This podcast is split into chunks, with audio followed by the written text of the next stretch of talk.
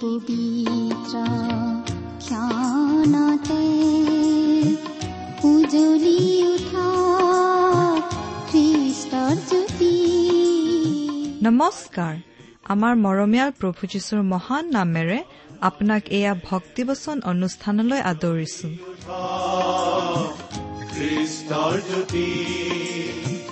আকাশ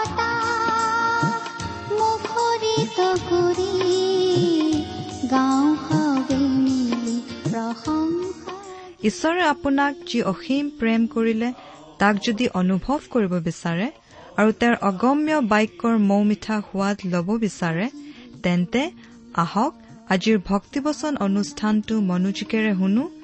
এয়া আপোনালৈ আগবঢ়াইছো ঈশ্বৰৰ জীৱন্ত বাক্যৰ অনুষ্ঠান ভক্তিবচন।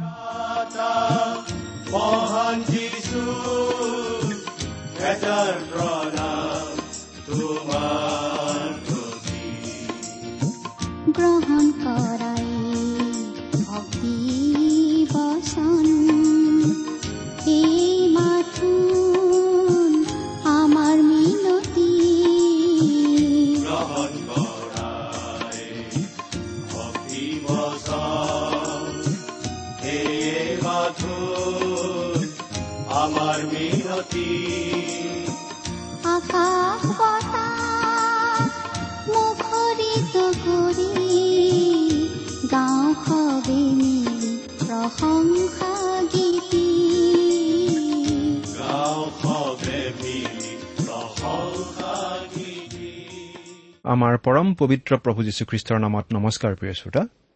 আপোনাৰ ভালনে বাৰু?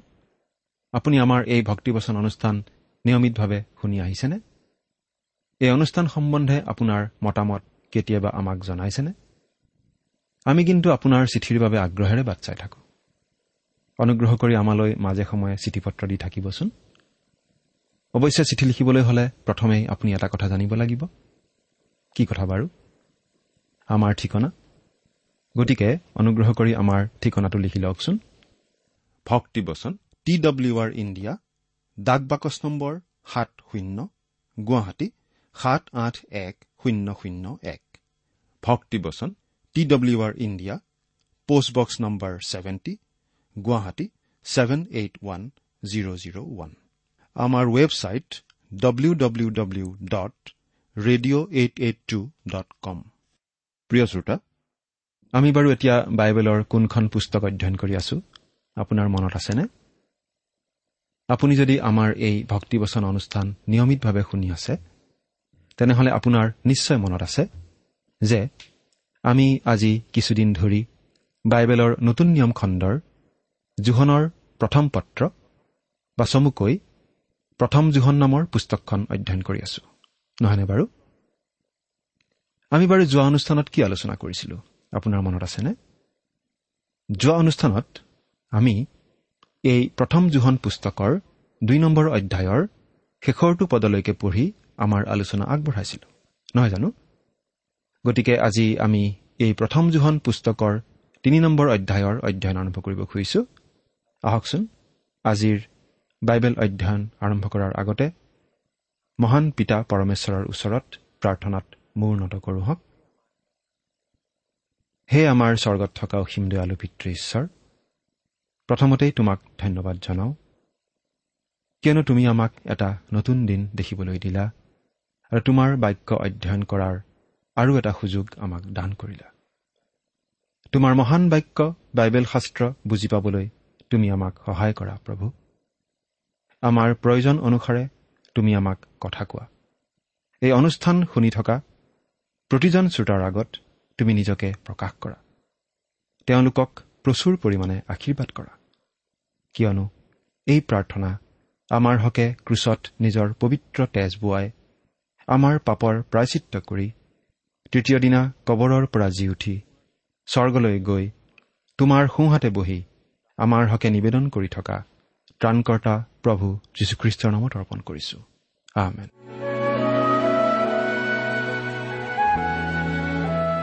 আহকচোন প্ৰিয় শ্ৰোতা। এতিয়া আমি আমাৰ বাইবেল অধ্যয়নলৈ আগবাঢ়ি যাওঁ। যোৱা অনুষ্ঠানত আমি এই প্ৰথম জোহন পুস্তকখনৰ দুই নম্বৰ অধ্যায়ৰ শেষৰটো পদলৈকে পঢ়ি আমাৰ আলোচনা আগবঢ়াইছিলোঁ। এতিয়া আমি তিনি নম্বৰ অধ্যায়ৰ আলোচনা আৰম্ভ কৰিব খুজিছোঁ। এই তিনি নম্বৰ অধ্যায়ত আমি যিখিনি কথা পঢ়িবলৈ পাওঁ সেই কথাখিনিৰ মূল বিষয়খিনি এনেধৰণৰ। ঈশ্বৰৰ সন্তান অৰ্থাৎ খ্ৰীষ্টীয় বিশ্বাসীসকলে পৰস্পৰক কেনেদৰে জানিব পাৰে আৰু একেলগে কেনেদৰে বাস কৰিব পাৰে সেই কথা। পিতৃ ঈশ্বৰৰ নিজ সন্তানবোৰৰ প্ৰতি থকা বিশেষ প্ৰেমৰ কথা আৰু খ্ৰীষ্টীয় বিশ্বাসীসকলৰ দুই প্ৰকৃতিৰ কথা। দুই নম্বৰ অধ্যায়ৰ শেষৰ পদটো আচলতে এই তিনি নম্বৰ অধ্যায়ৰ প্ৰথম পদ তিনিটাৰ মাজতো সোমাই আছে বুলি আমি ক'ব পাৰোঁ। দুই নম্বৰ অধ্যায়ৰ শেষ পদ অৰ্থাৎ ঊনত্ৰিশ নম্বৰ পদটোত আমি এই বুলি পাইছিলোঁ। তেওঁ ধাৰ্মিক ইয়াকে যদি জানা তেন্তে যিকোনোৱে ধৰ্ম আচৰণ কৰে তেওঁ যে তেওঁৰ পৰা জন্ম পোৱা হয় তাকো তোমালোকে জানা। আমি খ্ৰীষ্টক জানো বুলি তেওঁক বিশ্বাস কৰোঁ বুলি আৰু তেওঁতেই থাকি জীৱন কটাই থকা বুলি মুখেৰে কৈ দিয়াটো সহজ কথা। কিন্তু তেওঁ যে আমাৰ ত্ৰাণকৰ্তা আৰু প্ৰভু তেওঁৱেই যে আমাৰ ধাৰ্মিকতা সেই কথাটো আমাৰ জীৱনৰ জৰিয়তে প্ৰকাশ কৰি জীৱন ধাৰণ কৰাটোহে আচল কথা। সেইটো কিন্তু ইমান সহজ নহয়। আমি খ্ৰীষ্টক বিশ্বাস কৰি তেওঁতেই থিতাপি লোৱা বুলি জানিব পৰাটো খুব সুন্দৰ কথা। আমি প্ৰভু যীশুত আশ্ৰয় লৈ তেওঁতেই পিতৃ ঈশ্বৰৰ দ্বাৰা আমি গ্ৰাহ্য হলো বুলি নিশ্চিতভাৱে জনাটো নিশ্চয় ভাল কথা।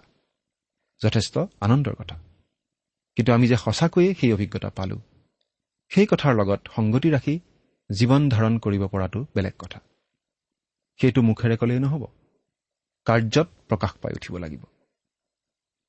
খুব স্পষ্ট ভাষাত ক'বলৈ হ'লে জোহনে আমাক ইয়াত এই বুলি জনাই দিছে যে আন খ্ৰীষ্টীয় বিশ্বাসীক চিনি পোৱাৰ উপায় হৈছে তেওঁলোকৰ জীৱনৰ দ্বাৰা।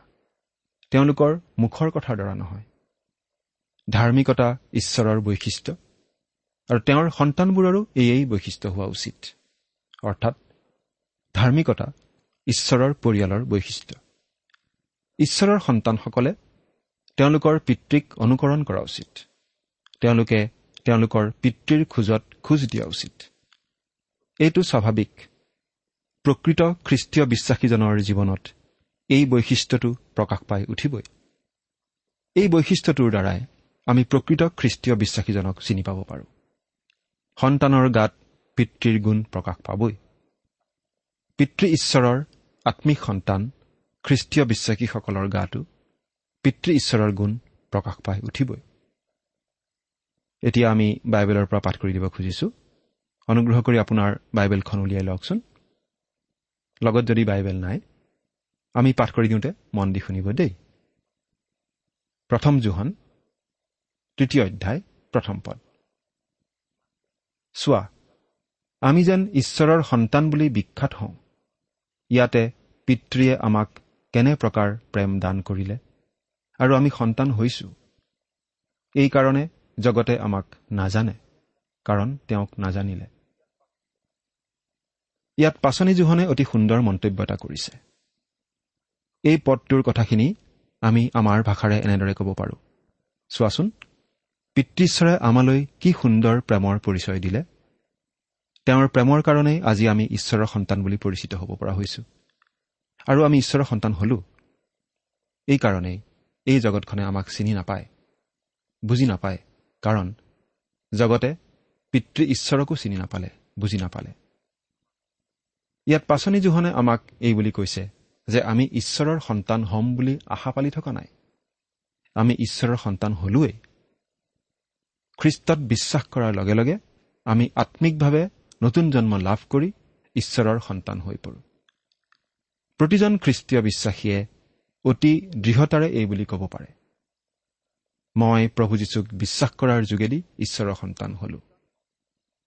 আমি সন্তান হ'ম বুলি আশা কৰি থাকিব নালাগে। ভৱিষ্যতে কেতিয়াবা সন্তান হ'ম বুলি বাট চাই থাকিব নালাগে। কিন্তু মন ৰাইজাই কৰিব পৰা কথাটো এইয়ে যে প্ৰতিজন খ্ৰীষ্টীয় বিশ্বাসীয়েই ইতিমধ্যেই যে তেওঁ ঈশ্বৰৰ সন্তান হ'ল সেই কথাৰ বাবে অনবৰতে ঈশ্বৰক ধন্যবাদ দি থাকিব পাৰে আনন্দ উল্লাস কৰি থাকিব পাৰে। ইয়াৰ দ্বাৰা আমি অহংকাৰ কৰা নহয়। আমি নিজক লৈ অহংকাৰ নকৰোঁ কৰা উচিত নহয়। কিন্তু আমি যে প্ৰভু যীশুৰূপত এজন অভিনৱ ত্ৰাণকৰ্তা পালোঁ। আমাৰ অহংকাৰ তেওঁতেই। এই কথাটো পাচনি জোহনে অতি স্পষ্ট কৰি দিছে যে যদিহে আপুনি নতুন জন্ম পাই ঈশ্বৰৰ সন্তান হৈছে তেন্তে ঈশ্বৰৰ সৈতে খাপ খোৱা জীৱন এটা আপুনি প্ৰকাশ কৰিবই। মই খ্ৰীষ্টক প্ৰেম কৰোনে? মই তেওঁৰ হলোনে? এনেকুৱা সন্দেহ খ্ৰীষ্টীয় বিশ্বাসীৰ মনত থাকিব নালাগে। আমাক এই কথা জোহনে স্পষ্টভাৱে জনাই দিছে যে খ্ৰীষ্টত আশ্ৰয় লোৱা আমি প্ৰতিজন লোকেই ঈশ্বৰৰ সন্তান হলো। এতিয়া এই সময়ত এই মুহূৰ্ততো আমি ঈশ্বৰৰ সন্তান। যদিহে আমি খ্ৰীষ্টক বিশ্বাস কৰি ত্ৰাণকৰ্তা বুলি গ্ৰহণ কৰিলো। জোহনে কৈছে আমি সন্তান হৈছো। চোৱা আমি যেন ঈশ্বৰৰ সন্তান বুলি বিখ্যাত হওঁ। ইয়াতে পিতৃয়ে আমাক কেনে প্ৰকাৰ প্ৰেম দান কৰিলে? পাচনি জোহনে ইয়াত যি প্ৰেমৰ কথা কৈছে সেই প্ৰেম আচৰিত ধৰণৰ প্ৰেম। এনেধৰণৰ প্ৰেমৰ সৈতে আমি একেবাৰে অভ্যস্ত নহওঁ। এই প্ৰেম আচহুৱা ধৰণৰ প্ৰেম। ঈশ্বৰে আমাক প্ৰেম কৰে। পিতৃ ঈশ্বৰে আমাক কেনে আচৰিত ধৰণৰ প্ৰেম কৰে? ঈশ্বৰৰ প্ৰেম অৰ্থাৎ আমাৰ প্ৰতি তেওঁৰ যি প্ৰেম সেই প্ৰেম আমাৰ অন্তৰত প্ৰকাশ কৰে পবিত্ৰ আত্মাই। জোহনে আমাক এই কথাটো দেখুৱাই দিব যে ঈশ্বৰে আমালৈ নিজ পুত্ৰ যীশুখ্ৰীষ্টক দান কৰাৰ দ্বাৰা আমালৈ যে তেওঁৰ বিশেষ প্ৰেম আছে সেই প্ৰেমৰ প্ৰমাণ দিছে। আমাৰ বাবে প্ৰাণ দিবলৈ কোনো লোক আগবাঢ়ি আহেনে? বা আন কাৰোবাৰ কাৰণে আমি প্ৰাণ দিবলৈ আগবাঢ়ি যামনে? কিন্তু ঈশ্বৰে আমাক প্ৰেম কৰে আৰু সেই প্ৰেমৰ তেওঁ প্ৰমাণ দিলে আমাৰ হকে প্ৰাণ দিবলৈ তেওঁৰ পুত্ৰক দান কৰাৰ দ্বাৰাই। এই জগতত সকলোতকৈ ডাঙৰ চালিকা শক্তি হৈছে ঈশ্বৰৰ প্ৰেম। প্ৰেমেই হৈছে মানৱ জাতিৰ সকলোতকৈ আকাংক্ষিত বিষয়। মানুহে নাৰীৰ প্ৰেমত পৰে নাৰীয়ে পুৰুষৰ প্ৰেমত পৰে আৰু সেই প্ৰেমৰ কাৰণেই আনকি নানা ধৰণৰ ত্যাগ স্বীকাৰ কৰিবলৈকো সাজু হয়। মানুহৰ মাজৰ প্ৰেম যদি অতি নিষ্ঠাপূৰ্ণ সঁচা প্ৰেম হয় তেন্তে সেই প্ৰেম অতি সুন্দৰ হয় পবিত্ৰ হয় অভিনৱ হয়। আৰু এই প্ৰেম হৈ পৰে অতি শক্তিশালী চালিকা শক্তি। কিন্তু মানুহ হিচাপে আমি যেনেকুৱা প্ৰেম প্ৰদৰ্শন কৰোঁ বা মানুহে যি ধৰণৰ প্ৰেম প্ৰকাশ কৰিব পাৰে ঈশ্বৰে প্ৰদৰ্শন কৰা প্ৰেম তাতকৈ বহুগুণে ওপৰত।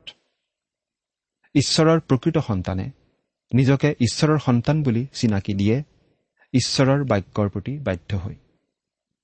খ্ৰীষ্টক বিশ্বাস কৰি আমি যদি আম্মিকভাৱে নতুন জন্ম পালো তেন্তে সেই নতুন জন্মৰ কথাটো প্ৰমাণিত হ'ব ঈশ্বৰৰ বাক্যৰ প্ৰতি আমি প্ৰদৰ্শন কৰা বাধ্যতাৰ দ্বাৰা। আমাৰ প্ৰতি ঈশ্বৰৰ যি অপূৰ্ব প্ৰেম সেই প্ৰেমেই আমাক চলাই নিয়া উচিত। সেই প্ৰেমেই আমাৰ জীৱনত বাধ্যতাৰ সৃষ্টি কৰা উচিত। ঈশ্বৰে যে আমালৈ প্ৰেম দেখুৱালে সেই কথাটোৱেই আমাক ঈশ্বৰৰ হকে জীয়াই থাকিবলৈ অনুপ্ৰেৰণা যোগাব লাগে।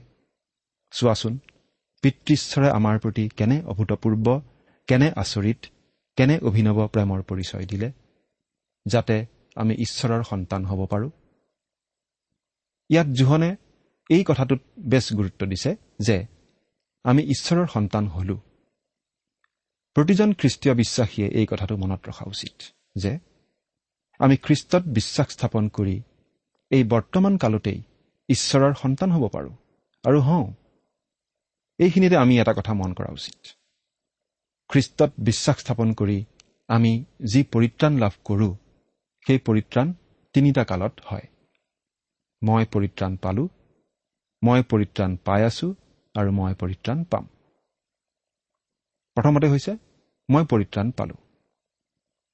প্ৰভু যীশুৱে কৈছিল মই তোমালোকক অতি স্বৰূপকৈ কওঁ যিজনে মোৰ কথা শুনি মোক পঠোৱাজনাত বিশ্বাস কৰে সেইজনৰ অনন্ত জীৱন আছে। আৰু তেওঁ সুধ বিচাৰলৈ আহিব নালাগে কিন্তু মৃত্যুৰ পৰা জীৱনলৈ পাৰ হ'ল। জোহনে লিখা শুভবাৰ্তা পাঁচ অধ্যায় চৌব্বিছ পদ। আপুনি প্ৰভু যীশুত বিশ্বাস স্থাপন কৰা মুহূৰ্ততেই পৰিত্ৰাণ লাভ কৰে। আৰু সেই মুহূৰ্তত আপুনি যিমান পৰিত্ৰাণ পালে তাতকৈ অধিক গুণে আৰু পৰিত্ৰাণ পাব লগা নাই। সেই মুহূৰ্ততে আমি আত্মিকভাৱে নতুন জন্ম লাভ কৰোঁ। আমি হৈ পৰোঁ ঈশ্বৰৰ পৰিয়ালৰ সদস্য। জোহনে ইয়াত হে বোপাহঁত বুলি কওঁতে ঈশ্বৰৰ পৰিয়ালৰ এই সন্তানবোৰকেই বুজাইছে। অৰ্থাৎ খ্ৰীষ্টীয় বিশ্বাসীসকলকেই বুজাইছে। আমি আচলতে কোনোৱেই ঈশ্বৰৰ সন্তান হোৱাৰ যোগ্য নহয়। কিন্তু ঈশ্বৰে আমাক সেই সুবিধা দিছে প্ৰভু যীশুৰ যোগেদি কাৰণ তেওঁ আমাক প্ৰেম কৰে। আমি সকলোৱে পৰিত্ৰাণ পোৱাটো তেওঁ কামনা কৰে। সেইবাবেই জোহনে কৈছে চোৱা আমি যেন ঈশ্বৰৰ সন্তান বুলি বিখ্যাত হওঁ ইয়াতে পিতৃয়ে আমাক কেনে প্ৰকাৰ প্ৰেম দান কৰিলে? আমি প্ৰভু যীশুক বিশ্বাস কৰাৰ লগে লগেই ঈশ্বৰৰ সন্তান হওঁ পৰিত্ৰাণ পাওঁ মৃত্যুৰ পৰা জীৱনলৈ পাৰ হওঁ। দ্বিতীয়তে মই পৰিত্ৰাণ পাই আছো। পাচনি পৌলে এই বুলি কৈছিল এতেকে হে মোৰ প্ৰিয়বিলাক তোমালোকে যেনেকৈ সদায় আজ্ঞাধীন আছিলা তেনেকৈ মোৰ সাক্ষাতে যি ৰূপ কেৱল সেইদৰে নহয় কিন্তু এতিয়া মোৰ অসাক্ষাতে আৰু অধিককৈ ভয় আৰু কম্পনেৰে নিজ নিজ পৰিত্ৰাণ সম্পন্ন কৰা। কিয়নো ঈশ্বৰেই নিজৰ হিত সংকল্পৰ কাৰণে তোমালোকৰ অন্তৰত ইচ্ছা কৰা আৰু কাৰ্যসাধন কৰা এই উভয়ৰ সাধন কৰা হৈছে। ফিলিপিয়া দুই অধ্যায় বাৰ আৰু তেৰ পদ। পাচনি পিতৰে কৈছিল আৰু আমাৰ প্ৰভু আৰু ত্ৰাণকৰ্তা যীশুখ্ৰীষ্টৰ অনুগ্ৰহত আৰু জ্ঞানত বাঢ়ি বাঢ়ি যোৱা। দ্বিতীয় পিতৰ তিনি নম্বৰ অধ্যায় ওঠৰ পদ। জোহনেও আমাক প্ৰায় একেধৰণৰ কথাই কৈছে। যদিহে আমি প্ৰভু যীশুত বিশ্বাস কৰি ঈশ্বৰৰ সন্তান হলো তেনেহলে আমি তেওঁৰ বাধ্য হমেই। আমি বিশ্বাসত আত্মিক জীৱনত বৃদ্ধি পাই থাকিম। আমি উন্নত হৈ থাকিম। আমি বিশ্বাসৰ পথত আগবাঢ়ি থাকিম। এই প্ৰক্ৰিয়াটো চলি থাকিব। সেইকাৰণে আমি পৰিত্ৰাণ পোৱা লোকসকলে বৰ্তমান কালতো পৰিত্ৰাণ পাই থকা বুলি ক'ব পাৰোঁ। তৃতীয়তে মই পৰিত্ৰাণ পাম। প্ৰভু যীশু আকৌ আহিব। তেওঁৰ বিশ্বাসীসকলক লৈ যাবলৈ। প্ৰভু যীশুৰ পুনৰ আগমনৰ সময়ত আমি আমাৰ পৰিত্ৰাণৰ চূড়ান্ত অভিজ্ঞতা লাভ কৰিব পাৰিম। তেতিয়া আৰু পাপৰ উপস্থিতিয়ে আমাক আমনি নকৰিব আৰু আমি অনন্তকালৰ বাবে প্ৰভুৰ লগত থাকিবলৈ পাম। এতিয়া দুই নম্বৰ পদটো পঢ়ি দিছোঁ। হে প্ৰিয়বিলাক এতিয়া আমি ঈশ্বৰৰ সন্তান আছো। কিন্তু পাছত কি হ'ম সেয়ে এতিয়ালৈকে প্ৰকাশিত হোৱা নাই। তেওঁ প্ৰকাশিত হলে আমি তেওঁৰ নিচিনা হ'ম ইয়াকে জানো। কিয়নো তেওঁ যেনেকুৱা আছে তেওঁক তেনেকুৱাই দেখিম। এতিয়া আমি ঈশ্বৰৰ সন্তান হৈছো। অহাকালি হ'ম বা ভৱিষ্যতে হ'ম বুলি কোৱা হোৱা নাই। কিন্তু আমি এতিয়াই ঈশ্বৰৰ সন্তান হৈছো বুলিহে কোৱা হৈছে। এই কথাখিনিৰ অতি মনোমোহা দিশ এইটোৱেই। আমাক জগতে বুজি নাপায়। সেই কথাত সন্দেহ নাই কাৰণ জগতে প্ৰভু যীশুকো বুজি নাপালে। এই কথা বুজি পাবলৈ আত্মিক অন্তৰ্দৃষ্টিৰ প্ৰয়োজন আৰু সেই অন্তৰ্দৃষ্টি লাভ কৰাটো সম্ভৱপৰ হৈ উঠে পবিত্ৰ আত্মাৰ অভিষেক লাভ কৰাৰ পাছতহে। প্ৰতিজন খ্ৰীষ্টীয় বিশ্বাসীয়ে পবিত্ৰ আত্মাৰ অভিষেক লাভ কৰে বুলি আমি ইতিমধ্যে আলোচনা কৰি আহিছো। ঈশ্বৰৰ আত্মাই আমাক এই কথাবোৰ বুজি পোৱাত সহায় কৰে। আৰু একমাত্ৰ ঈশ্বৰৰ আত্মাৰ যোগেদিহে আমি আত্মিক কথাবোৰ বুজি পাওঁ। এই কথাটো পবিত্ৰ আত্মাই আমাৰ হৃদয়ত স্পষ্টভাৱে জনাই নিদিয়া পৰ্যন্ত আমি হয়তো কৈ থাকিম। মই বাৰু পৰিত্ৰাণ পালোনে? মই নিজেই নাজানো।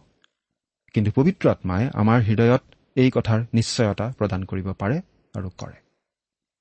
জোহনে কৈছে বোপাহঁত তোমালোক এতিয়া ঈশ্বৰৰ সন্তান হৈ আছা। কোনোবাই ক'ব পাৰে আমি কেৱল তাতেই ৰৈ থাকিমনে? আৰু আগবাঢ়িব নালাগিবনে? নিশ্চয়। মই যদি আৰু অলপ ভাল মানুহ হ'ব পাৰোঁ আৰু অধিক ঈশ্বৰৰ বাক্য বুজি পাব পাৰোঁ ভাল লাগিব। মই এতিয়া যেনেকুৱা অৱস্থাত আছো তাতকৈ আগবাঢ়িব পাৰিলে নিশ্চয় ভাল লাগিব। এই ইচ্ছা প্ৰতিজন খ্ৰীষ্টীয় বিশ্বাসীৰ অন্তৰত থকা উচিত। কিন্তু জোহনে আমাক এই বুলিও কৈছে আমি ভৱিষ্যতে কি হ'ম সেইটো আমাক এতিয়াও সম্পূৰ্ণকৈ জানিব দিয়া হোৱা নাই।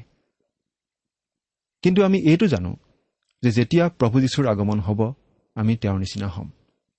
এইটো অতি উৎসাহজনক আশা নহয়নে? প্ৰভু যীশুৱে আমাক কেনেকুৱা কৰিব সেইটো তেওঁ আমাত দেখা পায়। ঈশ্বৰে আমাত এতিয়াও কাৰ্য কৰি আছে আৰু সেই কাৰ্য এতিয়াও সম্পূৰ্ণ হোৱা নাই। আমাক তেওঁ গঢ়ি আছে আৰু এদিন আমাক সম্পূৰ্ণৰূপে প্ৰভু যীশুৰ নিচিনা কৰি তুলিব। এবাৰ মাইকেল এঞ্জেলৰ ওচৰলৈ এটা প্ৰকাণ্ড মাৰ্বল পাথৰ অনা হ'ল। তেওঁ শিলটোৰ চাৰিওফালে এপাক ঘূৰি নিজে নিজে কৈ উঠিল কি সুন্দৰ! তেতিয়া তেওঁৰ এগৰাকী সহকাৰীয়ে ক'লে এইটো এটা শিলহে ইয়াতনো আপুনি কি সুন্দৰ দেখিলে? তেতিয়া মাইকেল এঞ্জেলোৱে ক'লে মই ইয়াত যি দেখিছোঁ তুমি দেখা নাই। মই শিলটো দেখা নাই দেখিছোঁ এটা সুন্দৰ মূৰ্তি ডায়ুদৰ মূৰ্তি। সহকাৰীজনে ক'লে কতা মইতো দেখা নাই? মাইকেল এঞ্জেলোৱে উত্তৰ দিলে সেইটো মোৰ মনত আছে তুমি কেনেকৈ দেখিবা? ঈশ্বৰেও যেতিয়া আমালৈ চায় তেওঁ আমাৰ চূড়ান্ত ৰূপটো দেখা পায়। ঈশ্বৰে আমাক কয় তুমি ভৱিষ্যতে কি হবা সেইটো প্ৰকাশিত হোৱা নাই। আমি পৰস্পৰলৈ চালে নিশ্চয় হতাশ হওঁ। কিন্তু ঈশ্বৰে আমালৈ চালে আমাৰ ভৱিষ্যতৰ ৰূপটো দেখি নিশ্চয় আনন্দ পায়। কাৰণ এদিন আমি প্ৰতিজন খ্ৰীষ্টীয় বিশ্বাসী প্ৰভু যীশুৰ নিচিনা হ'ম আৰু ঈশ্বৰে আমাক সেই ৰূপতেই গঢ় দি আছে। আমি তেওঁৰ নিচিনাই হ'ম কাৰণ আমি তেওঁক মুখামুখিকৈ লগ পাম। আমি গৌৰৱময় প্ৰভু যীশুক মুখামুখিকৈ লগ পাম। আমি তেওঁৰ সমকক্ষ নহওঁ কিন্তু আমাক তেওঁৰ নিচিনা কৰি তোলা হ'ব। আমাৰ নিজস্ব ব্যক্তিত্ব নিশ্চয় অটুট থাকিব কিন্তু আমি হৈ পৰিম প্ৰভু যীশুৰ নিচিনা। আমি প্ৰভু যীশুৰ নিচিনা হোৱাৰ কাৰণেই স্বৰ্গত আমি সম্পূৰ্ণ প্ৰেমপূৰ্ণ পৰিৱেশ এটা পাম। এই কথা কল্পনা কৰিয়েই আমাৰ ভাল লাগি নাজানে বাৰু। তাত আমাক সকলোৱে ভাল পাব সকলোৱে প্ৰেম কৰিব। আমি প্ৰতিজন খ্ৰীষ্টীয় বিশ্বাসীয়ে এই কথাটো মনত ৰখা উচিত। এৰা আমি মনত ৰখা উচিত যে আমি প্ৰতিজন খ্ৰীষ্টীয় বিশ্বাসীয়েই এদিন প্ৰভু যীশুৰ নিচিনা হ'ম। আমি সকলোৱে এদিন প্ৰভুৰ নিচিনা হ'ম। আৰু স্বৰ্গীয় সহভাগিতাৰে মধুৰ পৰিৱেশত অনন্তকাললৈ স্বৰ্গত বাস কৰিবলৈ পাম। এয়েই হৈছে আমাৰ গৌৰৱময় আশা। প্ৰতিজন খ্ৰীষ্টীয় বিশ্বাসীৰেই আচলতে এইটো গৌৰৱময় আশা। আমি সকলোৱে এদিন প্ৰভু যীশুৰ নিচিনা হ'ম আৰু প্ৰভু যীশুৰ সৈতে অনন্তকাললৈকে স্বৰ্গত বাস কৰিবলৈ পাম। এই কথাটো বাৰু আপুনি মনত ৰাখিছেনে? আপোনাৰ জীৱনত এই গৌৰৱময় আশাৰ আনন্দ আছেনে? চিন্তা কৰি চাওকচোন প্ৰিয় শ্ৰোতা। এতিয়া আমি তিনি নম্বৰ পদটো চাব খুজিছো। ইয়াত এনেদৰে লিখা আছে আৰু তেওঁৰ ওপৰত যিকোনোৰ সেই আশা আছে তেওঁ যেনে সূচী তেওঁ তেনেকৈ নিজকে সূচী কৰে। ইয়াত আমাৰ বাবে এটা আচলতে কৰিবলগীয়া বিশেষ কাম আছে। প্ৰতিজন খ্ৰীষ্টীয় বিশ্বাসীৰ বাবে এটা সচেতন বাণী আছে। ইয়াত কি কৈছে বাৰু? আমি প্ৰভু যীশুখ্ৰীষ্টত বিশ্বাস স্থাপন কৰি আম্মিকভাৱে নতুন জন্ম লাভ কৰোঁ। আৰু যেতিয়া আমি প্ৰভু যীশুখ্ৰীষ্টত বিশ্বাস স্থাপন কৰি আম্মিকভাৱে নতুন জন্ম লাভ কৰোঁ তেতিয়া আমি এটা নতুন প্ৰকৃতি লাভ কৰোঁ। আৰু এই নতুন প্ৰকৃতিটো হৈছে আমি ঈশ্বৰৰ পৰা লাভ কৰা প্ৰকৃতি। আৰু এই নতুন প্ৰকৃতিয়ে পাপ নকৰে পাপ ভাল নাপায়। এই নতুন প্ৰকৃতি এই নতুন স্বভাৱটো আমাৰ পুৰণি প্ৰকৃতিটোৰ বিৰোধী। এই প্ৰকৃতিটোৱে পাপ নকৰে। যদি আমি খ্ৰীষ্টত থাকো তেন্তে আমি পাপ নকৰিম পাপত নচলিম। আমাৰ জীৱন পাপপূৰ্ণ নহ'ব। কেতিয়াবা কিবা কথাত পাপত পতিত হলেও ঈশ্বৰৰ সন্তান হোৱা লোকে অনুতাপ কৰি আকৌ পিতৃ ঈশ্বৰৰ ওচৰলৈ উভতি আহিবই। সেই অপব্যয় পুত্ৰই পিতৃৰ পৰা আঁতৰি গৈ গাহৰিৰ গঁড়ালত থাকিব লগা হৈছিল। কিন্তু তেওঁ আকৌ নিজৰ পিতৃৰ ওচৰলৈ উভতি আহিছিল। এৰা ঈশ্বৰৰ সন্তান কেতিয়াবা পিছলি পৰিব পাৰে কিন্তু তেওঁ আকৌ উঠিবই। পাপত থাকি তেওঁ কেতিয়াও শান্তি পাব নোৱাৰে। কিয়? কাৰণ তেওঁ ঈশ্বৰৰ সন্তান। তেওঁৰ এটা নতুন প্ৰকৃতি আছে আৰু সেই নতুন প্ৰকৃতিয়ে পাপক ঘীন কৰে পাপ ভাল নাপায়। প্ৰিয় শ্ৰোতা আপুনি বাৰু প্ৰভু যীশুক আপোনাৰ ত্ৰাণকৰ্তা বুলি গ্ৰহণ কৰিছেনে? যদি কৰিছে তেতিয়াহ'লে আপুনি নতুন জন্ম লাভ কৰিছে। আপুনি নতুন প্ৰকৃতি লাভ কৰিছে। কিন্তু আপুনি যে নতুন প্ৰকৃতি লাভ কৰিছে সেই কথা বাৰু আপোনাৰ জীৱনত প্ৰকাশ পাই আছেনে? চিন্তা কৰি চাওকচোন। ঈশ্বৰে আপোনাক আশীৰ্বাদ কৰক। আমেন।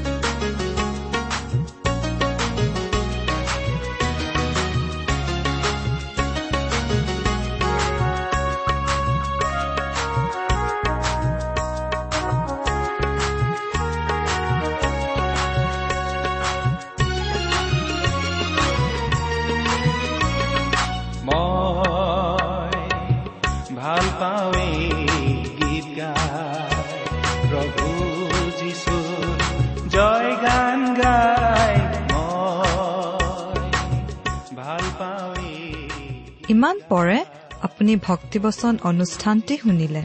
এই বিষয়ে আপোনাৰ মতামত জানিবলৈ পালে আমি নথৈ আনন্দিত হ'ম। আমি প্ৰস্তুত কৰা বাইবেল অধ্যয়নৰ আন চিডিসমূহ পাব বিচাৰিলেও আমালৈ লিখক। অনুষ্ঠানটি শুনি কেনে পালে আমালৈ চিঠি লিখি জনাবচোন। অনুষ্ঠানত প্ৰচাৰ কৰা কোনো কথা বুজিব লগা থাকিলেও আমালৈ লিখক। আমাৰ ঠিকনা? ভক্তিবচন ট্ৰান্স ৱৰ্ল্ড ৰেডিঅ' ইণ্ডিয়া ডাক বাকচ নম্বৰ সাত শূন্য গুৱাহাটী সাত আঠ এক শূন্য শূন্য এক। ঠিকনাটো আৰু এবাৰ কৈছো ভক্তিবচন ট্ৰান্স ৱৰ্ল্ড ৰেডিঅ' ইণ্ডিয়া ডাক বাকচ নম্বৰ সাত শূন্য গুৱাহাটী সাত আঠ এক শূন্য শূন্য এক। আমাৰ ইমেইল এড্ৰেছটো হৈছে S T T B at the rate radio' eight eight two dot com. আমাৰ ৱেবছাইট ইন আপুনি টেলিফোনৰ মাধ্যমেৰেও আমাক যোগাযোগ কৰিব পাৰে। আমাৰ টেলিফোন নম্বৰটো হৈছে শূন্য তিনি ছয় এক দুই ছয় শূন্য চাৰি ছয় সাত এক। ফোন নম্বৰটো আকৌ এবাৰ কৈছো zero' three six one two six zero' four six seven one আজিৰ অনুষ্ঠানটি ইমানতে সামৰিছো। ঈশ্বৰৰ শান্তি আৰু অনুগ্ৰহ আপোনাৰ লগত থাকক। ধন্যবাদ। ভাল পাওঁ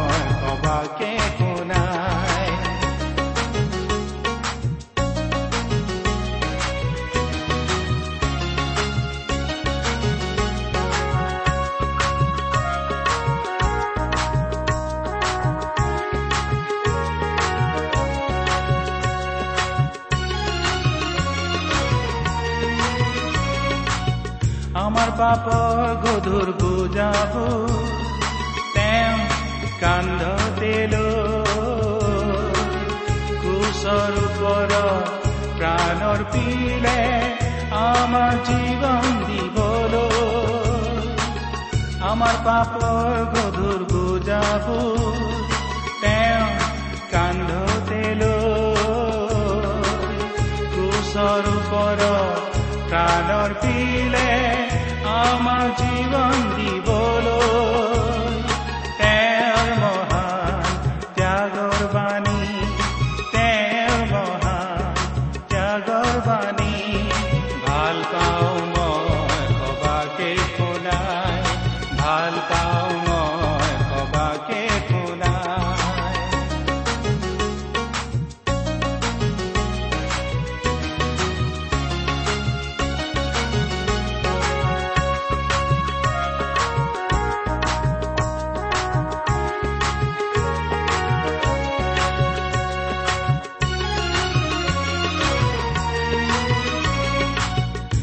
প্ৰিয় দিনা পুনৰুধি মৃত্যুক জয় কৰিলে।